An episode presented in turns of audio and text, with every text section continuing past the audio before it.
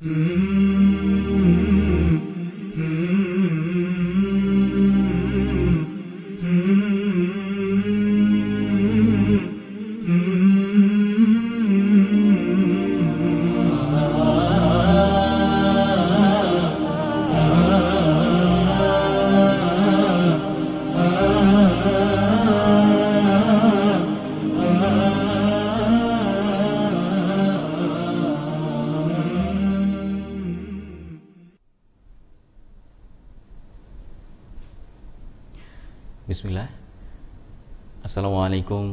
Warahmatullahi wabarakatuh.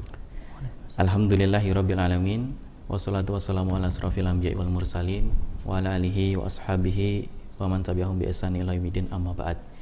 Pemirsa di mana pun saat ini anda berada Alhamdulillah Senang sekali rasanya saya bisa kembali menyapa anda di kesempatan malam hari kali ini.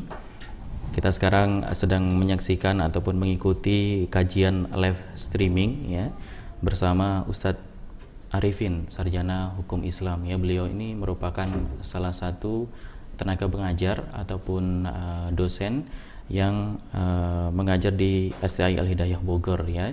Kita di kesempatan malam hari kali ini akan bersama kurang lebih selama satu jam ke depan dari pukul 19 lewat 45 menit sampai nanti pukul 20 lewat 45 menit ya bagi Anda yang eh, sedang menyaksikan live streaming di kesempatan kali ini juga bisa turut bergabung ya mengirimkan pertanyaan Anda mungkin nanti terkait dengan eh, materi-materi uh, yang disampaikan oleh Al Ustadz ada yang ingin ditanyakan Anda bisa turut bergabung berkomentar ya, melalui kolom komentar di channel YouTube Yayasan Mutiara Surga ataupun juga melalui Facebook ya dengan nama yang sama Yayasan Mutiara Surga ya.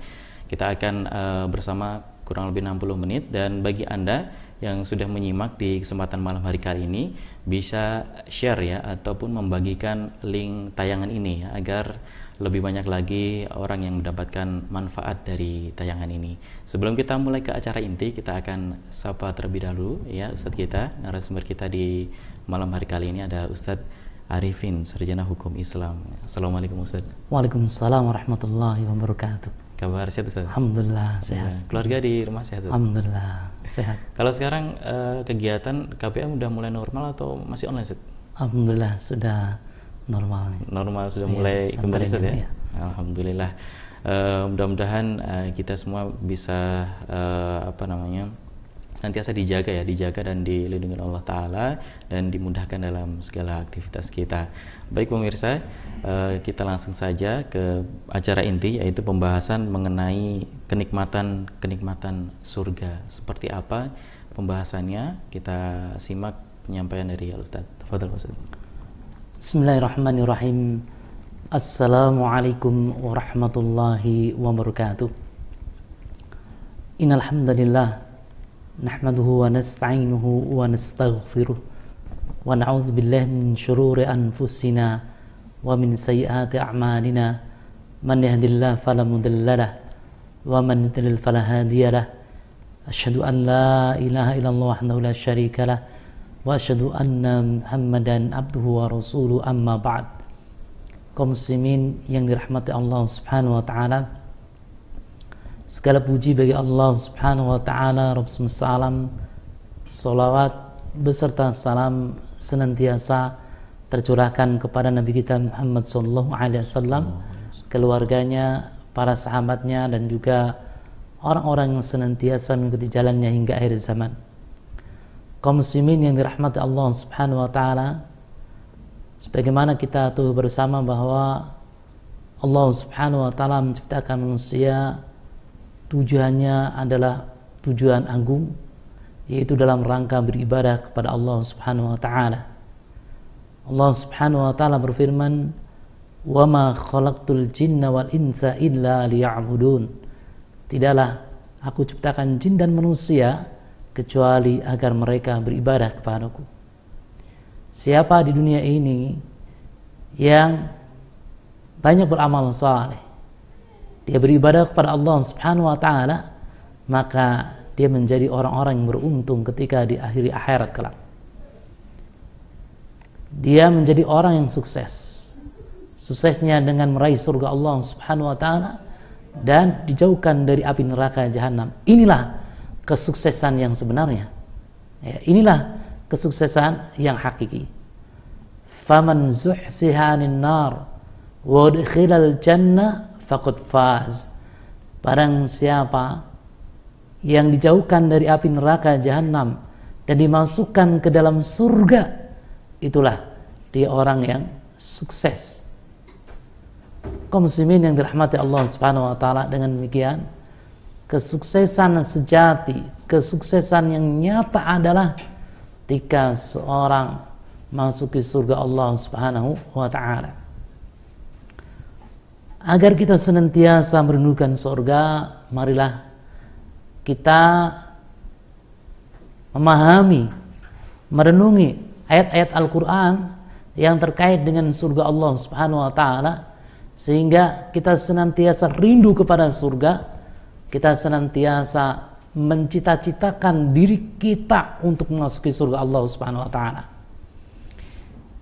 Kaum muslimin yang dirahmati Allah Subhanahu wa taala, yang pertama adalah di surga terdapat sungai yang menawan, sungai yang sangat indah, yaitu Al-Kautsar, ya. Ustaz Nugroho pernah mendengar Al-Kautsar? Pernah. Oh, pernah ya. ya, mungkin ya para pemirsa juga barangkali ya sering mendengar kata-kata sungai Al-Kautsar gitu. Allah Subhanahu wa taala berfirman dalam Al-Qur'an surat Al-Kautsar, "Inna a'tayna kal kautsar." Sungguhnya kami anugerahkan kepada engkau wahai Muhammad Al-Kautsar. Apa Al-Kautsar ini? Al-Imam Nukasir rahimahullah membawakan beberapa riwayat dari hadis-hadis Rasulullah sallallahu alaihi wasallam di antaranya adalah riwayat dari Imam Ahmad bahwa Imam Ahmad menyebutkan hadis dari Anas bin Malik radhiyallahu anhu. Anas bin Malik radhiyallahu anhu mengatakan bahwa Rasulullah sallallahu alaihi wasallam bersabda, "Dakhaltul jannata aku masuki surga. Faiza ana binaharin, tiba-tiba aku berada di sebuah sungai. Kemudian Rasulullah SAW menyifatkan bagaimana sungai tersebut.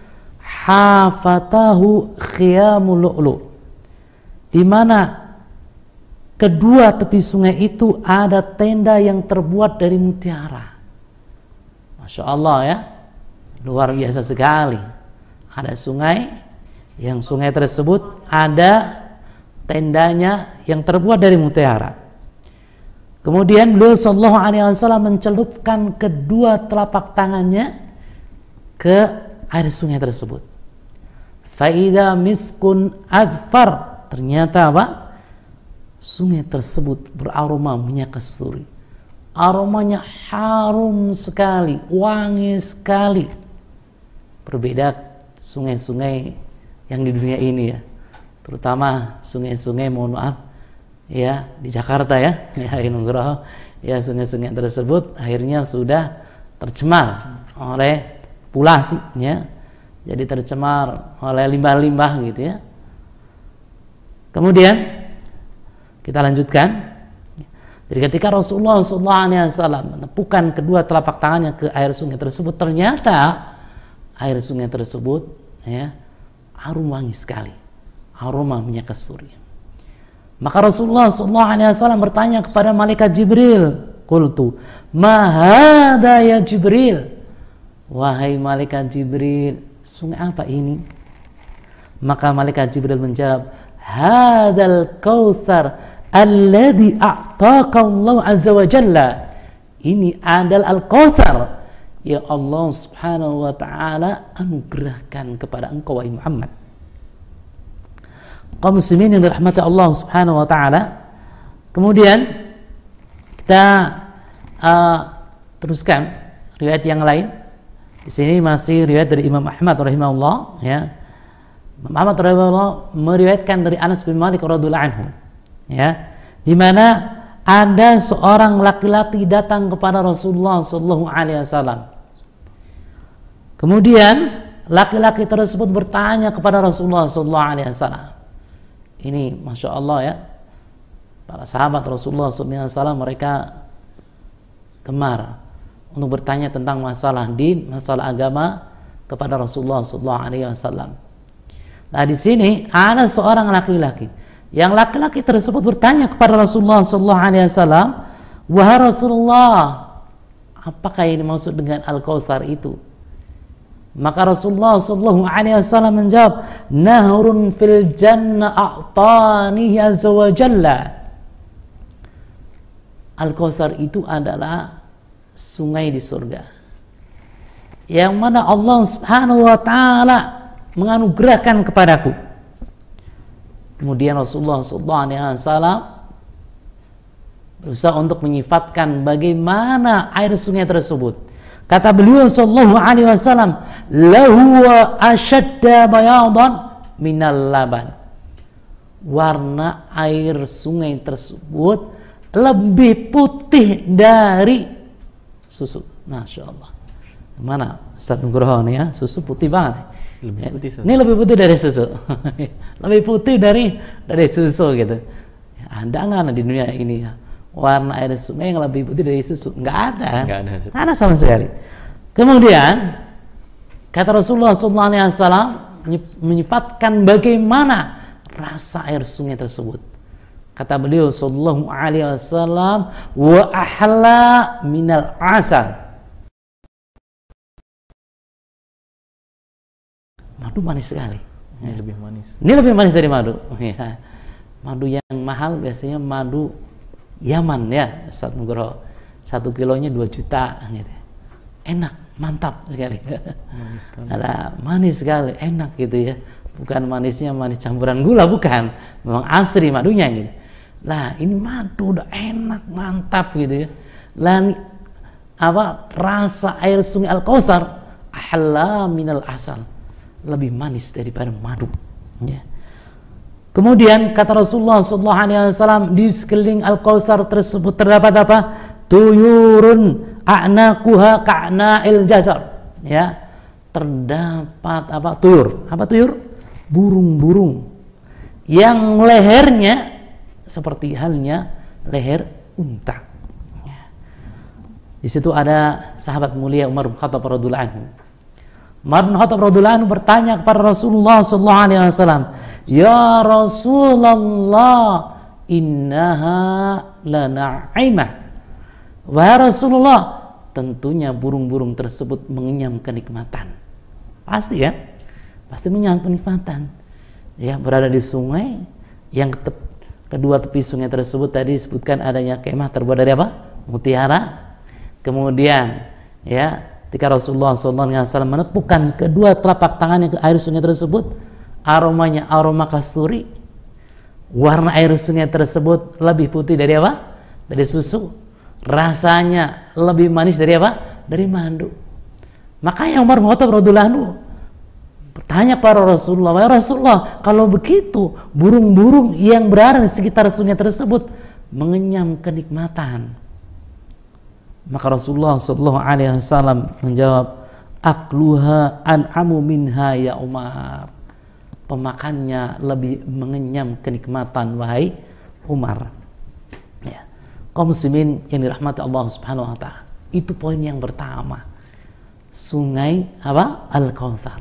Sungai yang sangat indah sekali dan sungai yang sangat menawan. Poin yang kedua. Di surga tidak panas atau tidak dingin.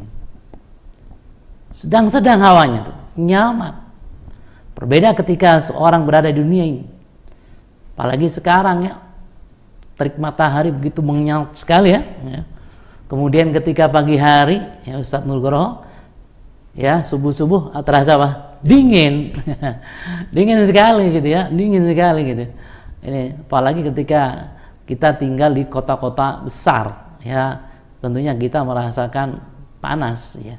Pengennya ketika di kantor pakainya AC melulu gitu ya. Tapi kalau di surga ini luar biasa sekali. Ya. Tidak panas atau tidak dingin.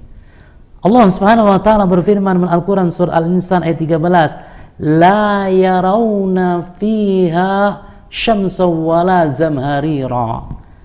Mereka di dalamnya tidak merasakan terik matahari, tidak pula dingin yang bersengatan.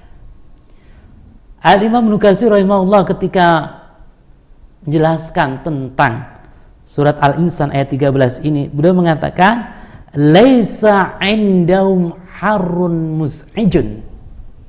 Ketika mereka tinggal di surga, maka mereka tidak merasakan teriknya matahari. Matahari yang menyengat enggak, enggak merasakan gitu. Enjoy, enak, nikmat, ya. Wala bardun mu'limun. Mereka juga ketika berada di surga tidak merasakan dingin yang mencekam. Yang mereka rasakan adalah kehangatan kenyamanan kekal abadi sehingga apa? La yabghuna anha hiwala mereka tidak ingin pindah dari tempat tersebut. Ketika kita di dunia ini ya kita beli rumah ya cocok untuk kita ya.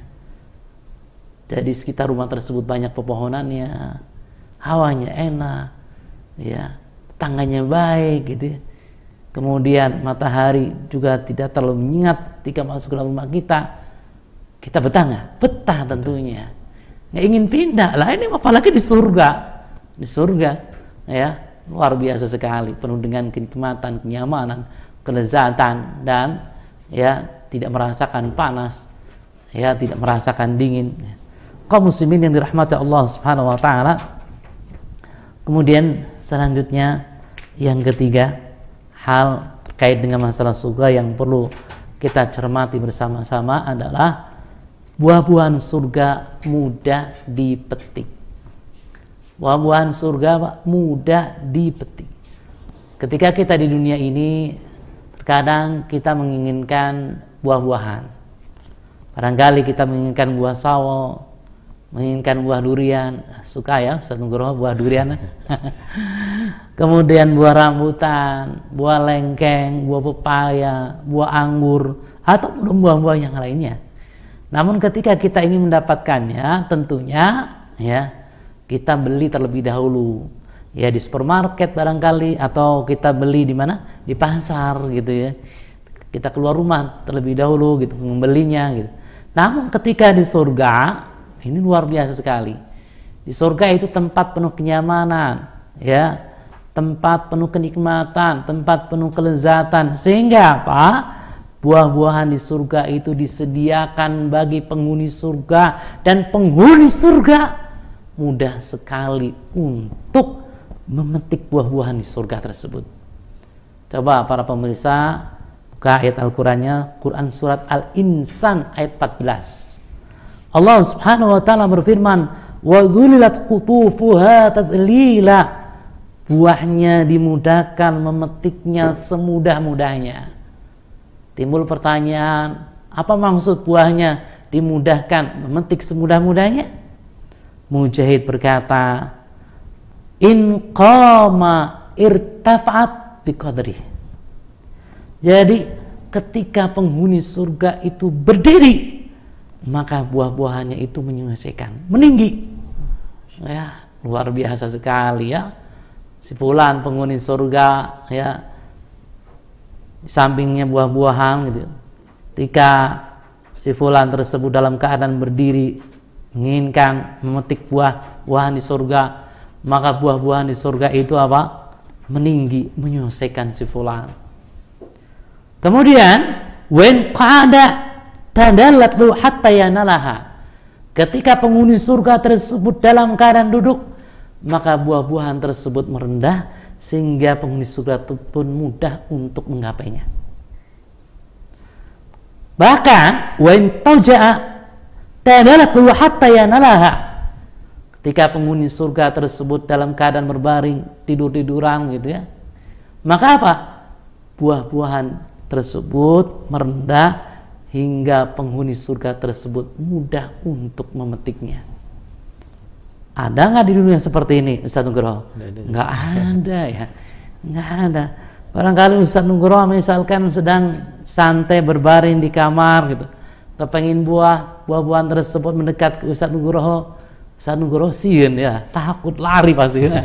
Ini kalau ada buah jalan sendiri gitu kan. Bisa mendekat sendiri. Bisa mendekat sendiri gitu ya. Ini Masya Allah ketika di surga luar biasa sekali. Jadi penghuni surga diberi kenikmatan senikmat-nikmatnya, diberi kelezatan selezat-lezatnya, diberi keenakan seenak-enaknya. Sampai tadi buah-buahannya itu pun mendekat, mudah dipetik, mudah diambil. Kaum muslimin yang dirahmati Allah Subhanahu wa taala. Allah Subhanahu wa taala berfirman dalam Al-Qur'an surat Al-Haqqah, "Qutufuha daniyah." Di buah-buahan di surga itu dekat. Tadi di samping mudah dipetik, buah-buahan di surga itu dekat. Apa maksud dekat di sini? Qoribatun yatanawaluha ahaduhum wa huwa na'imun ala sariri. Buah-buahan di surga itu dekat sekali sehingga penghuni surga mudah memetiknya, mudah mengambilnya meskipun sambil tiduran di ranjangnya. Ini saking dimudahkan dengan semudah-mudahnya dan saking dekat dengan sedekat-dekatnya. Kemudian kaum muslimin yang dirahmati Allah Subhanahu wa taala. Selanjutnya ya penghuni surga itu mendapatkan buah-buahan di surga apa yang mereka inginkan. Apa yang mereka mau pasti dapat. Ya, pasti dapat. Berbeda ketika kita hidup di dunia ini. Sekarang musim rambutan apa enggak, Ustaz Nugroho? Enggak. Enggak ya. Susahnya rambutan. Nah, susahnya rambutan. Ya, misalkan kita pengen rambutan Aceh, susah nyarinya di Malang ya. Tapi kalau pas musim rambutan, biasanya ketika Ramadan atau ketika Syawal itu rambutan tuh melimpah ya. Kita inginkan rambutan Aceh gampang gitu. Gitu. Tapi kok sekarang sekarang susah? Susah. Sekarang mungkin kita ingin apa durian. Gampang. Karena musimnya banyak orang yang jual durian. Nah gitu nah berbeda ketika di surga ya. buah-buah apa saja yang diinginkan oleh penghuni surga pasti dan pasti dan pasti penghuni surga tersebut akan memperolehnya. Allah Subhanahu wa taala berfirman di dalam Al-Qur'an surat Al-Mursalat ayat 42 wa fawakiha mimma yashtahun ya dan mereka mendapatkan buah-buahan yang mereka inginkan apa maksudnya? Al Imam Nukaisir rahimahullah mengatakan ay min sairi anwa'id thimar mahma talabu wajadu. Yakni apa pun dari buah-buahan yang mereka inginkan pasti mereka akan mendapatkannya. Ini suatu kepastian. Sebulan penghuni surga pengen lengkeng karena di dunia itu suka lengkeng gitu dapat itu satu lah langsung dapat gitu ya. Langsung gitu. Nggak perlu ke pasar nggak perlu ke supermarket gitu ya. Nggak perlu gitu ya. Kemudian si fulan ya pengen kepengen apa namanya? Durian. Ya durian montong ya. Durian gitu ya. Karena si fulan di dunia itu suka durian. Ketika masuk surga dia pengen durian ya kalau di dunia kadang lihat kantong terlebih dahulu ya. Nah duit atau enggak nih untuk beli durian gitu. tapi ketika di surga ya enggak ya. Kenapa? Tadi mama talabu wajadu ya. Jadi apa pun yang mereka inginkan apa pun yang mereka minta pasti dan pasti dan pasti mereka akan mendapatkannya. Ya. Kaum muslimin yang dirahmati Allah Subhanahu wa taala hal yang perlu kita camkan bersama-sama bahwa la maqtu'atin wala mamnu'ah. Buah-buahan di surga itu tidak terputus-putus. Buah-buahan di surga itu sangat banyak. Ya Allah Subhanahu wa taala berfirman dalam Al-Qur'an surat Al-Waqi'ah ayat 33. La maqtu'ati wa la mamnu'ah. Yang tidak berhenti berbuah dan tidak terlarang untuk mengambilnya. Al-Imam Nukasir rahimahullah mengatakan la tanqati'u wala yaitu buah-buahan di surga itu tidak terhenti karena datang musim apa dingin maupun datang musim panas. Nah kalau di dunia ini buah-buahan itu ada musimnya. Pisang ada musimnya, sawo ada musimnya, rambutan ada musimnya, ya lengkeng ada musimnya, anggur ada musimnya. Kita kadang ingin buah anggur, anggur yang warnanya kayak hitam-hitaman itu. Mantap itu. Manis ya yang nggak ada bijinya. Ya nggak ada bijinya ah, mantap gitu kan. Kita kepengen ya pengen beli ya. Datang ke supermarket nanya-nanya cari informasi pak nggak musim gitu. Udah nggak musim gitu. Gitu kan? Nah berbeda ketika di surga laton kotiu syitaan walau sayfan. Jadi buah-buahnya itu tidak berhenti karena datang musim dingin dan ya tidak berhenti pula karena datang musim panas. Ya bahkan tersedia terus panjang masa. Mama tolabu wajadu kapan saja para penghuni surga menginginkan buah-buahan tersebut mereka akan mendapatkannya. Ini luar biasa sekali. Bahkan kata Ibnu Katsir idza tanawala rajul at-samara adat makana ukhra. Ini luar biasa sekali ya. Jika penghuni surga memetik buah, maka akan tumbuh tempat itu buah yang lain. Wah, luar biasa. Petik nih buah anggurnya di sini, tek. Ya. Tumbuh buah yang lain. Petik pisang di sini, tek. Tumbuh buah yang lain. Begitu aja terus. Ya, ajib sekali. Ajib sekali. Beda halnya ketika di dunia durian panen dipetik semuanya ya nunggu lagi waktunya lama gitu kan. Kelapa ya panen petik semuanya nunggu lagi waktunya lama lagi gitu ya. Ini ya kehidupan di dunia kehidupan yang fana berbeda dengan kehidupan akhirat kehidupan yang kekal abadi ya apalagi kehidupan di surga kehidupan yang penuh dengan kelezatan dan kehidupan yang penuh dengan kenikmatan. Pemirsa yang dirahmati Allah Subhanahu wa taala, selanjutnya ya.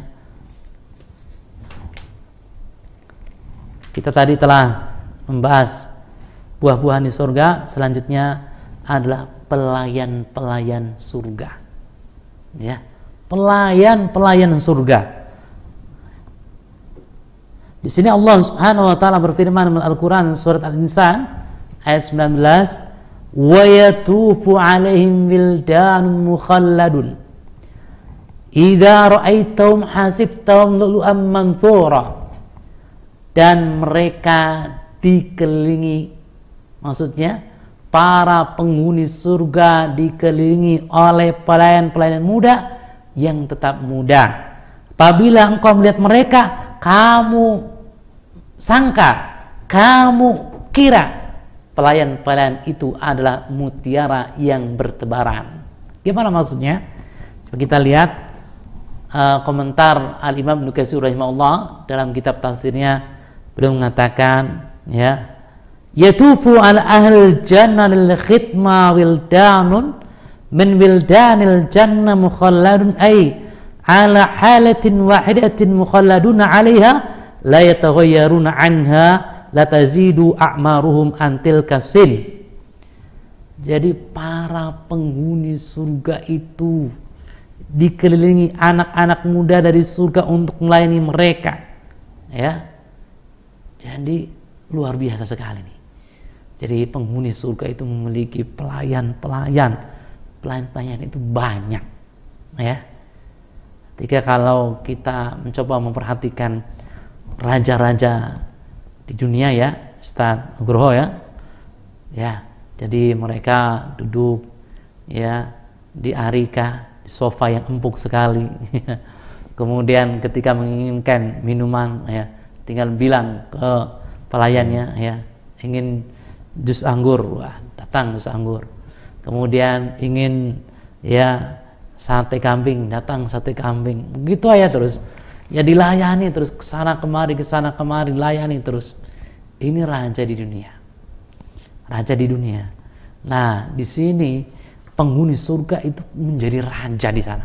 Dilayani oleh banyak pelayan dan pelayannya sangat menakjubkan sekali. Apa? Pelayan-pelayan muda yang tetap muda. Maksud tetap muda gimana? Tidak berubah sedikit pun. Mereka dalam satu keadaan tidak bertambah umur mereka. Tetap muda terus. Ya, tetap muda terus. Nah, kalau pelayan-pelayan raja ya berubah. Ya wajahnya jadi keriput, tangannya jadi keriput, umurnya bertambah, rambutnya jadi berubah. Ya. Kerja sebagai pelayan raja 30 tahun ya itu pasti berubah. Lah ini pelayan-pelayan surga itu tidak berubah sama sekali. Umurnya tidak bertambah, masih tetap muda, fisiknya masih kuat, ganteng-ganteng, ya, indah-indah mereka. Kemudian Allah Subhanahu wa taala berfirman, "Idza ra'aitahum hasibtahum lu'lu'am mansura." Apabila kamu melihat mereka, kamu akan mengira mereka itu adalah mutiara yang bertaburan. Apa maksudnya? Maksudnya di sini adalah jadi saking banyak pelayan-pelayan surga tersebut. Mereka melayani penghuni surga. Kemudian keadaan mereka bertebaran. Kemudian mereka memiliki wajah yang cerah, bersinar, kulit mereka sangat putih, pakaian mereka sangat indah sekali. Kemudian mereka juga mengenakan perhiasan yang sangat indah sehingga engkau mengira mereka itu adalah mutiara-mutiara yang bertaburan. Ya, mutiara-mutiara yang bertaburan. Kaum muslimin yang dirahmati Allah Subhanahu wa taala, kemudian khamar penghuni surga. Ya, jadi di surga itu ada khamar minuman, tapi tidak memabukkan kalau khamar di dunia itu memabukkan ya. Yeah. Sanugraha memabukkan tapi di surga tidak memabukkan sama sekali. Enak sekali, lezat sekali.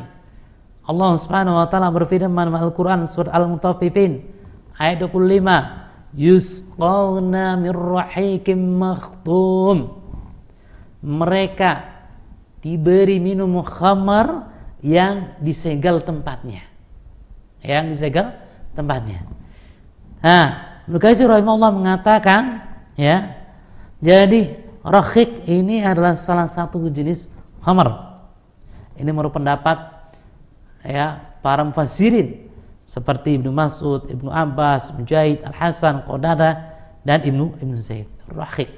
Jadi mereka diberi salah satu jenis khamar namanya rakhik ya yang mana minumnya sangat lezat sekali masih disegel ya masih disegel, masih asri. Nah, di sini Al Imam Nukasir rahimahullah membawakan riwayat dari Imam Ahmad terkait dengan motivasi untuk mendapatkan khamar di surga. Bagaimana cara mendapatkan khamar di surga? Khamar yang tidak memusingkan, tidak memabukkan, ya, aromanya wangi sekali, rasanya lezat sekali, ya. Nah, hadis dari Abu Said Al Khudri radhiallahu anhu bahwasanya Nabi Muhammad sallallahu alaihi wasallam bersabda, "Ayyuma mu'min saqa mu'minan syarbatan ala dhamin." Syarbatan ala dhamain.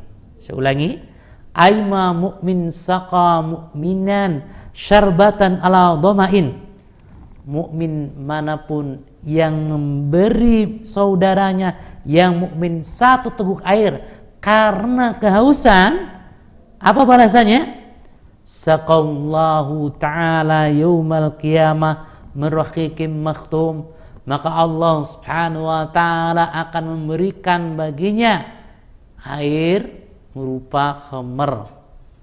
Ya, khamr yang lezat, khamr yang sangat enak yang disegel. Ya. Ini motivasi. Ya, motivasi bagi kita semuanya. Ya, ketika kita berada di rumah misalkan ada tamu datang ke rumah kita. Kemudian kita suguhi air minum air minum dia kehausan ya kita suguhi air minum air putih dia minum maka Allah Subhanahu wa taala akan menganugerahkan kepada kita khomer yang lezat, khomer yang enak sekali. Nanti di akhirat kelak. Atau ketika kita misalkan sedang berada di luar tempat kerjaan, kemudian kita lihat ya teman kita kehausan, kita belikan es jus misalkan ya, kita belikan es jus ya. Berapa harganya es jus ya? 8 ribu atau 10 ribu ya kalau di Jakarta barangkali lebih dari itu ya. Bisa sampai 25 ribu 30 ribu gitu ya. Nah kita berikan kepadanya. Ya maka Allah subhanahu wa ta'ala akan menganugerahkan kepada kita tadi ya rakhul mahtum yaitu khamr yang sangat lezat sangat enak yang masih disegel. Kemudian Rasulullah sallallahu alaihi wasallam bersabda, "Wa ayyuma mu'min at'ama mu'minan ala ju' at'amahullah min thimaril jannah." Mukmin mana saja yang memberikan kepada mukmin yang lain makanan karena mukmin tersebut kelaparan, maka Allah Subhanahu wa taala akan memberikan kepadanya buah-buahan di surga. Ya, Ustaz Nugroho misalkan ya, ngajak temannya ya. kemudian untuk makan ya ngajak temannya untuk makan makan di warung makan misalkan. Karena Ustaz Nugroho lihat temannya itu dari tadi belum makan. Ya nampaknya temannya itu kelaparan. Ayo kita makan. Dia senang banget ya. Nah Ustaz Nugroho nanti apa mendapatkan balasan di akhirat berupa apa? Allah anugerahkan kepada Ustaz Nugroho itu simaril jannah buah-buahan di surga. Oh, luar biasa sekali. Ya, kaum muslimin yang dirahmati Allah Subhanahu wa taala, selanjutnya adalah ya, mata air surga. Ya. Allah Subhanahu wa taala berfirman, "Fiha 'ainun jariyah." Di dalam surga ada mata air yang mengalir. Ya, kalau kita pergi ke sebuah kebun atau misalkan kita ya pergi ke puncak ya di sana kita melihat mata air mata air yang keluar dari bawah-bawah gunung ya atau bukit-bukit itu atau ya di dari kebun-kebun teh gitu ya.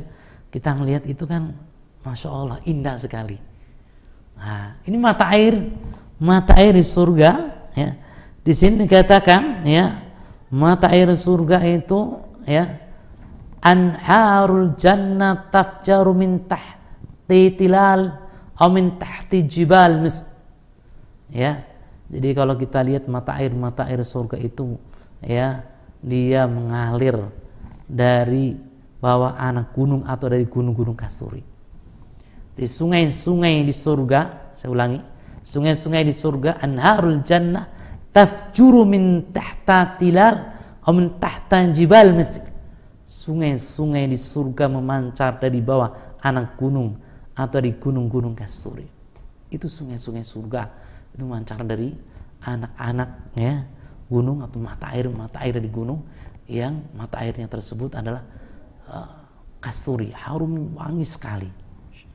Kaum muslimin yang dirahmati Allah Subhanahu wa taala selanjutnya adalah dipan-dipan di surga. Jadi surga itu ada dipan-dipan ya. Dipan-dipan yang sangat empuk dipan-dipan yang sangat tebal dipan-dipan ketika kita duduk di atasnya itu sangat enak sekali. Allah Subhanahu wa taala berfirman, "Fiha sururun marfu'ah." Di surga itu terdapat dipan-dipan yang ditinggikan. Apa maksud dipan-dipan yang tinggikan? Aliyatun na'imatun kasiratul farsh. Dipan-dipan tersebut tinggi. Dipan-dipan tersebut sangat empuk sekali. Dipan-dipan tersebut banyak kasurnya yang mana kasurnya tebal-tebal alihal hurul ain di atas dipan-dipan tersebut ada bidadari bidadari dari surga. Ya, bidadari bidadari dari surga. Yang mana bidadari tersebut azwajum mutahharah. Jadi bidadari bidadari tersebut adalah suci. Tidak mengalami haid, tidak mengalami nifas, tidak beringus, tidak berdahak, ya, tidak buang air kecil, tidak buang air besar, sempurna sekali. Kulitnya sangat putih sekali, ya, sangat cantik jelita. Nah, itu di atas dipan-dipan tersebut. Nah, idza Allah atau idza arada waliullah an yajlisa ala tilka surul aliyah tawadhu'as lahu jadi ketika orang yang beriman, ketika wali-wali Allah Subhanahu wa taala di kalangan orang-orang beriman, yang mereka adalah penghuni surga, ketika mereka ingin duduk di atas dipan-dipan tersebut, dipan-dipan tersebut itu merendah. Merendah sendiri itu. Ini dipannya tinggi, empuk, tebal kasurnya. Nah, kalau penghuni surga itu ingin duduk, dipan ini merendah. Di atas dipan itu ada bidadari. Merendah sendiri, tidak pakai remote Ya, satu Nugroho tidak pakai remote gini. Nggak pakai remote, secara otomatis sendiri. Itu saking nikmatnya di di surga. Ya. Kaum muslimin yang dirahmati Allah Subhanahu wa taala terakhir penghuni surga itu mereka makan. Penghuni surga itu mereka minum. Ya. Ketika kita di dunia ini kita makan ke tempat makan mana, ke restoran mana, itu senang sekali ya senang bahagia sekali apalagi makan kesukaan kita siang-siang diajak ke warung makan atau ke restoran ya. Sayur asem pakai sambal sambal terasi ya. Kemudian pakai tahunya bacem tempenya bacem lalap plus ada ikan bakar ayam bakar. Ini luar biasa. Mantap sekali ya. Nusa Negara mantap sekali. Luar biasa sekali ya. Mantap itu. Ini suatu yang fitrah ya.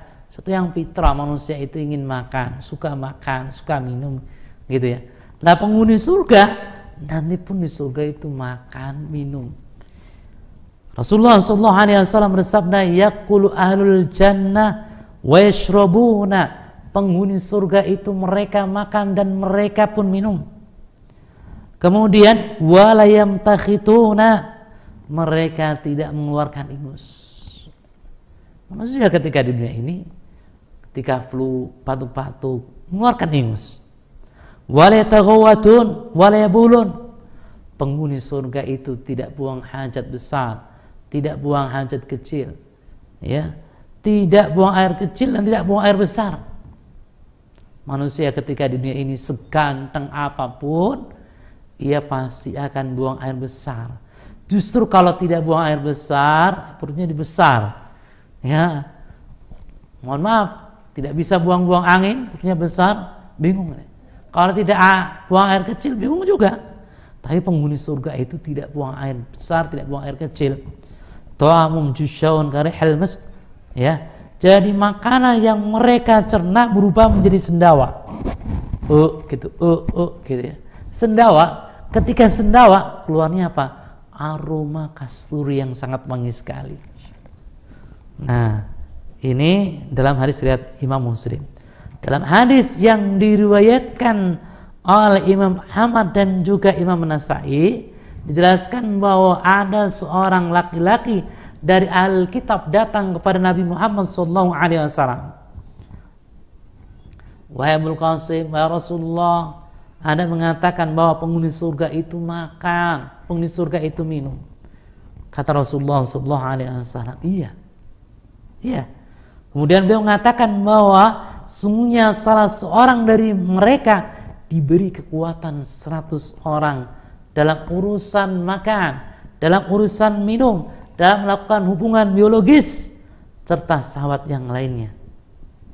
Ya. Diberi 100 kekuatan orang. Jadi seorang dari penghuni surga itu beri kekuatan 100 orang dan urusan makan. Satu orang satu porsi, berarti 100 orang 100 porsi. Satu orang kuat makan 100 porsi. Kemudian ya Laki-laki ahli kitab tersebut berkata, ya, Wahai Rasulullah, semuanya orang yang makan, minum pasti dia akan buang hajat. Kata Rasulullah Sallallahu Alaihi Wasallam, di surga itu nggak ada kotoran kan? Jadi makanan yang dicerna oleh penghuni surga berubah menjadi apa? Berubah menjadi keringat. Ya, keringat yang keluar dari kulit-kulit mereka, yang keringat tersebut itu harum sekali, harum minyak kasuri. Kaum muslimin yang dirahmati Allah Subhanahu wa taala demikian apa yang kami sampaikan terkait dengan kenikmatan-kenikmatan surga. Semoga Allah Subhanahu wa taala menganugerahkan kepada kita surga dan menjauhkan diri kita dari api neraka jahanam. Wallahu a'lam bishawab. Iya, insyaallah. Terima kasih Ustaz atas pemaparannya.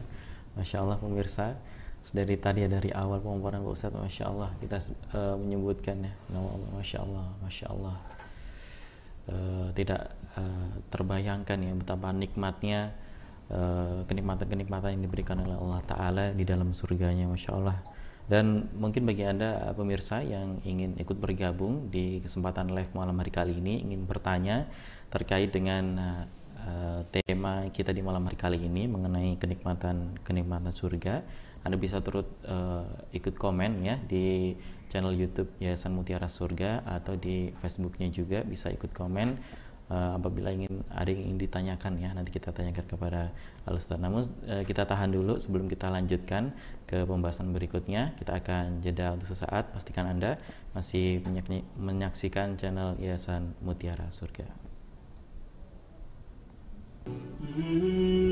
Assalamualaikum warahmatullahi wabarakatuh. Makom Ibrahim terasa nyaman bareng nyonya sambil membaca ayat-ayat. Salam silaturahim dari Al-Fakir Taufikur Rahman. Semoga semuanya kita selalu sehat walafiat. Pantun yang kedua, ke Bekasi bareng nyonya. Makan lesen ampi ke Mekah. Untuk Ya Musa, Al-Fakir haturkan. Terima kasih banyak. Mudah-mudahan Ya Musa terus ke depan makin barokah. Ikhwafillah rahimakumullah. Di hari Jumu'ah Al-Mubarakah kami mendapatkan silaturahim dari Ya Musa dan bukan hanya silaturahim saja. Ini santri-santri kami membawa apa Dedek? Beras. Beras juga Qur'annya ya. Nah, wakaf Qur'annya makanya kepada ikhwani fillah, ikhwa fillah di mana pun Anda berada yang di mana bicara sedekah bukan kata Taufikur Rahman janji daripada baginda Rasul mana qasamalu abdin min sadaqah tidak ada ceritanya harta jadi berkurang dengan dipakai sedekah yang belum bergabung lewat Ya Musa baik nanti untuk berupa berasnya maupun wakaf Al-Quran. Intinya doa-doa kami, kain ikhram dibawa dari Mekah, bekas dipakai keliling Ka'bah. Nggak akan pernah jatuh miskin orang yang gemar sedekah, bahkan hartanya makin bertambah. Makan apa beli korma sampai ke Mekah, mudah-mudahan ya Musa makin berkah dan istiqomah. Akhir kalam, wassalamualaikum warahmatullahi wabarakatuh.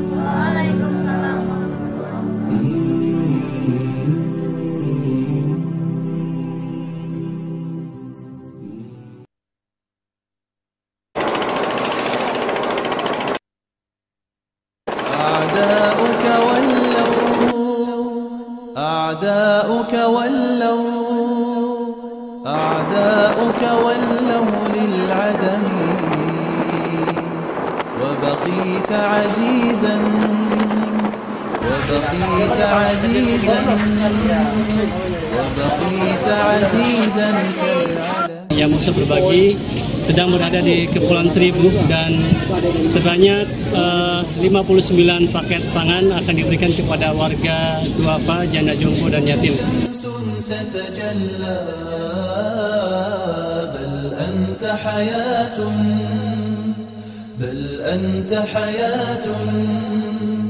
بل أنت حياة للأمم. فدعوني أملي فدعوني أملي فدعوني أملي أبياتي في وجه النور. وجه النور وجه النور المبتسم خذ ماء العين خذ ماء العين خذ ماء العين لها حبرا yang Musa melakukan aksi sosial dengan memberikan bantuan pangan sebanyak 130 kepada warga yang mereka eh, berlokasi di Desa Tanjung Pasir, Desa Teluk Naga, eh, Kecamatan Teluk Naga, Kabupaten Tangerang, Jawa Barat, Banten, Jawa Barat. Dan alhamdulillah mereka sangat berbahagia, bantuan dari Anda sangat berguna bagi mereka yang kebanyakannya adalah para janda jompo, eh, duafa fakir miskin dan buruh nelayan. حر كالشمس حر كالشمس بلا تهم يتلألأ نورا يتلألأ نورا Saya atas nama Ulmu Bahroni dari Lembaga Kewaspadaan Dini Masyarakat Kelurahan Pulau Untung Jawa mengucapkan terima kasih yang sebesar-besarnya kepada para dermawan yang telah memberikan sumbangsinya kepada warga kami atas berkat bantuan dari para dermawan sangat membantu warga-warga kami terutama lansia jompo atau lansia yang sudah di atas usia 65 tahun. Sekali lagi kami ucapkan terima kasih banyak kepada para dermawan. بات يناجي كم بات يناجي في عظمي يتحذر دمعي Kami mewakili warga dari Kepulauan Seribu mengucapkan jasa wa kafiro atas sedekah terbaik Anda. Terus berbuat baik kepada sesama, semoga Allah Subhanahu wa taala memperbaiki Anda dan kita semuanya di dunia dan di akhirat nanti.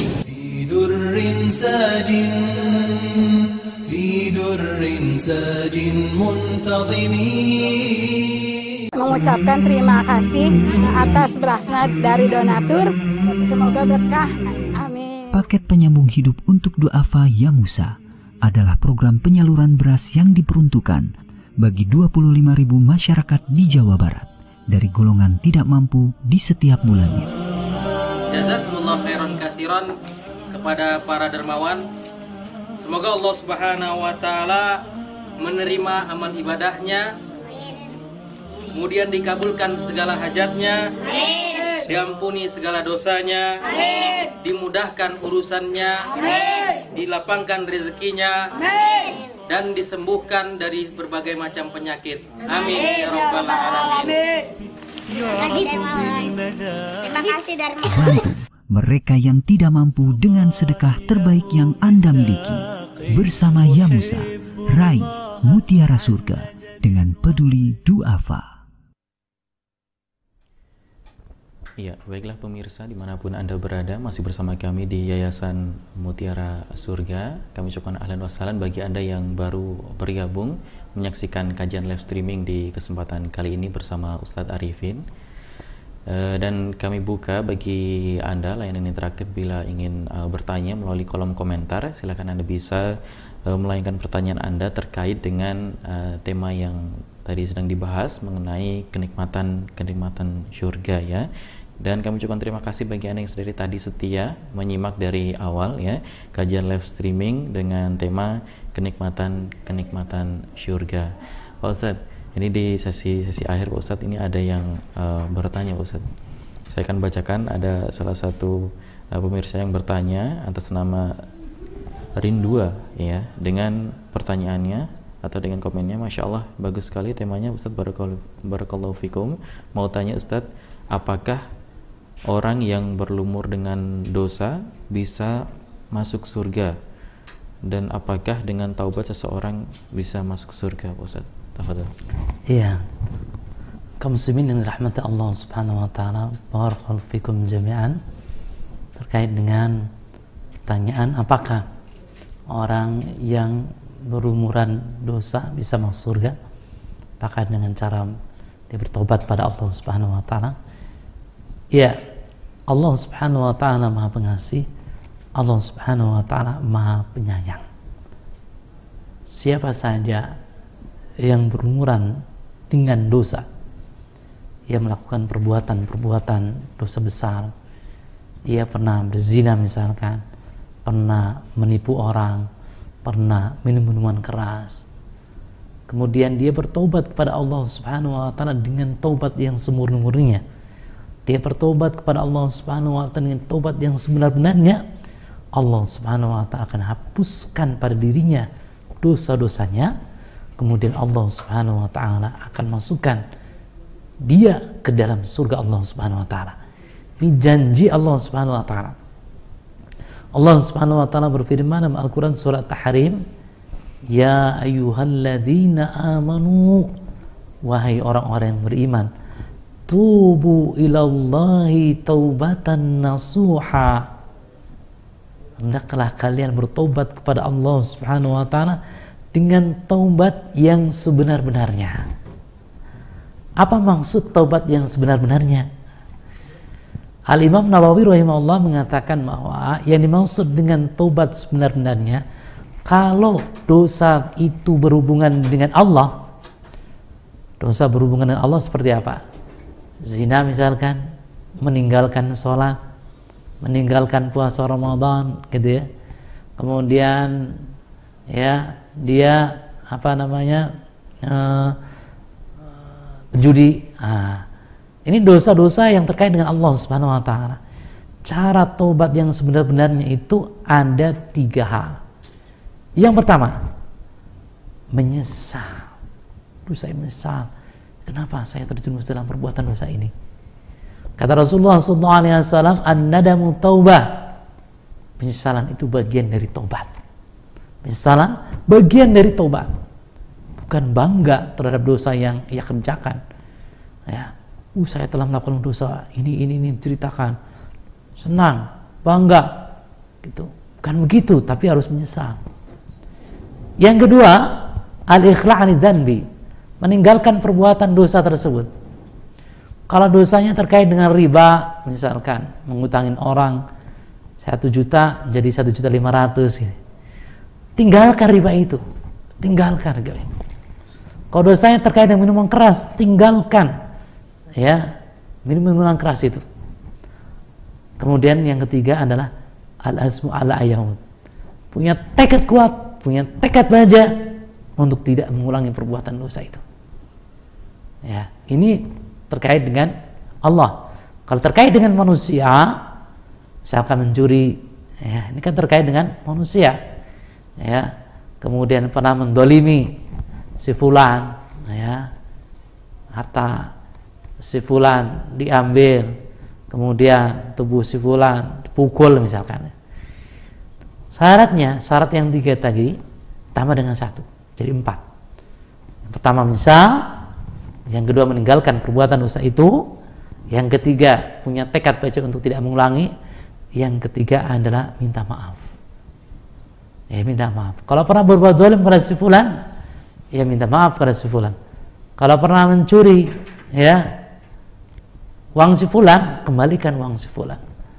Atau misal kita pernah dititipin sama seorang, titipin uang 500 ribu, uang si fulan itu, kita pakai, ya, maka cara tobatnya tadi menyesal, tinggalkan perbuatan dosa tersebut, kemudian punya tekad baca, kemudian yang keempat tadi karena hal ini terkait dengan manusia, yaitu minta maaf dan mengembalikan ya uang titipan fulan tersebut, ya Nah kalau kita sudah taubat dengan taubat yang nasuha, di siapa saja yang berumuran dosa kemudian dia taubat dengan taubat sebenar-benarnya, asa rabbukum an yukaffiru ankum sayiatikum.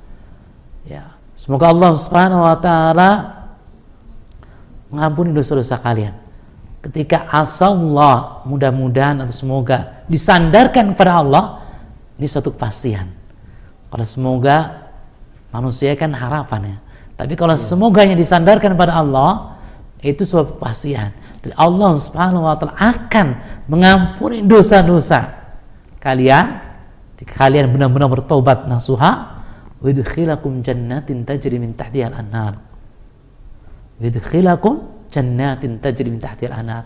Allah Subhanahu wa taala akan masukkan kalian ke dalam surga yang di bawahnya terdapat sungai-sungai yang mengalir.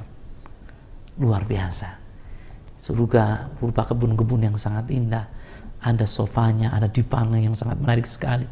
Ada mata air mata airnya, ada sungai-sungainya, sungai uh, susu, sungai madu, sungai khamar, begitu. Allah alam Iya, masya Allah. Terima kasih Ustaz atas jawabannya.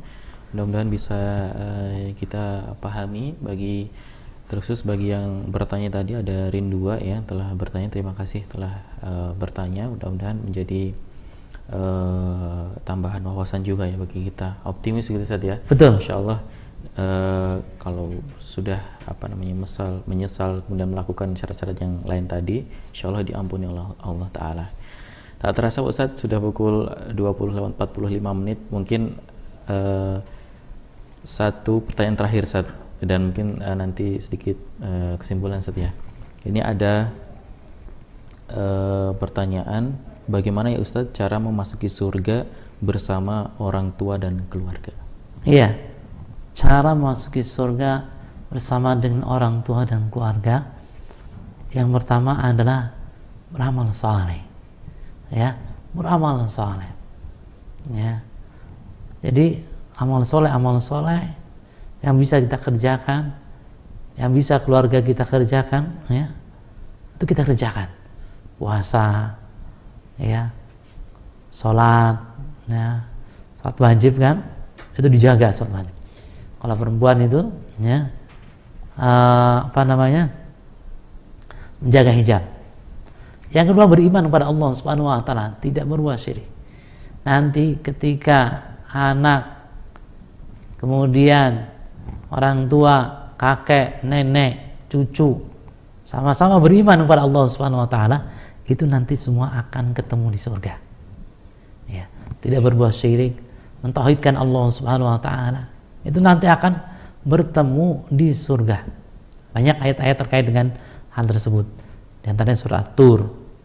Ya, surat Tur di situ disebutkan bahwa orang-orang yang beriman ya, mereka akan dipertemukan dengan anak cucu mereka ya anak cucu mereka dipertemukan ya meskipun misalkan amalan bapaknya lebih tinggi dibandingkan dengan anaknya ya nanti dipertemukan dengan anak turunannya gitu gitu. Wallahu a'lam ya. Jadi kita hendaknya banyak berdoa kepada Allah Subhanahu wa taala ya agar kita diistiqomahkan dalam beramal saleh ya.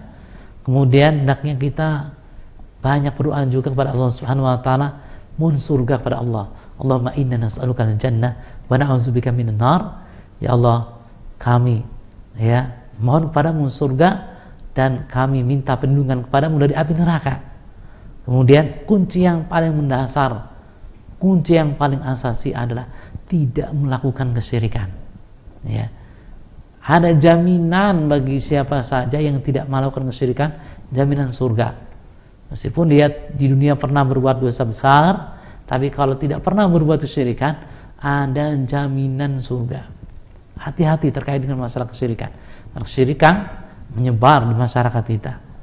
Menggunakan jimat-jimat, ya jimat-jimat penglaris. Ini bagian kesyirikan. Kemudian kekebalan, ini kesyirikan. Kemudian menggunakan susuk, ini kesyirikan. Supaya ganteng, supaya cantik, ya. Ini kesyirikan. Jadi tinggalkan itu semuanya menggunakan pelet. Ini kesyirikan. Datang ke dukun, datang paranormal, ya. Ini kesyirikan juga. Datang ke kuburan wali anu, minta rezeki, minta jodoh. Ini bagian kesyirikan juga. Ya. Kesyirikan yang tenar sekarang bulan Muharram adalah menganggap bulan Muharram itu bulan sial. Ini bagian kesyirikan, bahaya sekali nih. Tinggalkan itu semuanya.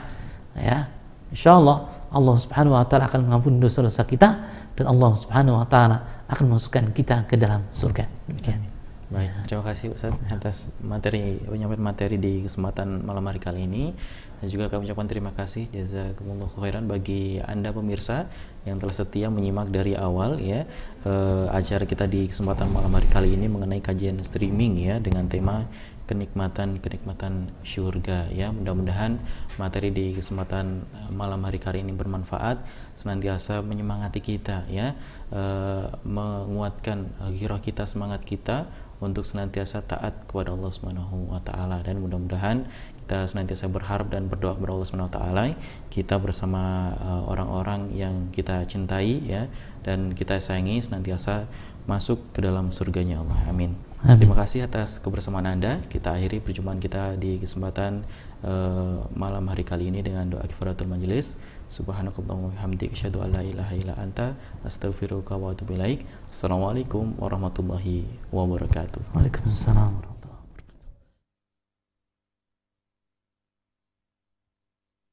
Mm-hmm. Mm-hmm.